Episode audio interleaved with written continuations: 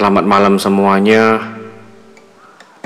Aku ingin share apa yang menjadi pemikiranku, menjadi perhatianku beberapa waktu ini. Gak terasa sudah hampir dua bulan lebih sejak pertama kali share Opawai muncul di podcast ini. Dan perjalanan ini terus terang aku bisa katakan memasuki tahap yang melelahkan. Melelahkan di sini karena berhubungan dengan ekspektasi ya atau harapan yang masih belum ada yang terlihat gitu loh. Terkait hasilnya tentunya. Benar-benar capek, benar-benar ingin mundur, benar-benar ingin berhenti dan sudah gak perlu membuat lagi. Saat melihat uh, dukungan yang minim, kemudian uh, kecepatan untuk memproses atau melakukan sesuatu menjadi lambat.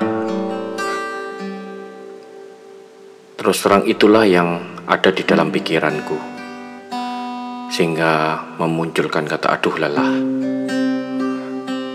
Tetapi aku memilih untuk berdiam, merenung, sambil bertanya, apakah yang aku kerjakan ini sudah tepat, sudah benar, atau aku memilih jalan yang lain.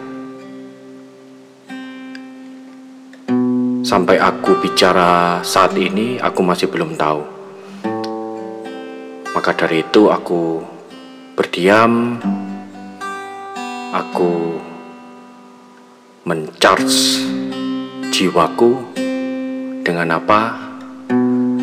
Tentunya dengan firman Tuhan. Firman Tuhan di mana tajamnya seperti pedang bermata dua. Itulah yang aku alami saat ini. Apakah mendapat semangat lagi? Ya, aku mendapat semangat lagi serasa ada dorongan dari dalam untuk lakukan, kerjakan, setialah. Yang penting sesuai dengan hati nurani, tidak membohongi hati, tidak membohongi jiwa. Itu sudah minimal cukup. Hasil adalah nomor sekian. Bukankah dari awal aku sudah menetapkan ingin menjadi teman seperjalanan yang menemani, yang membimbing,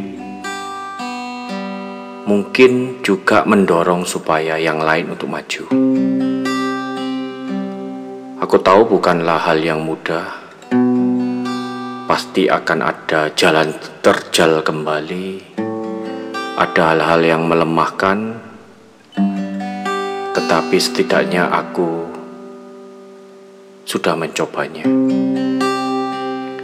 Ya, aku menggambarkan diriku sebagai sebuah titik putih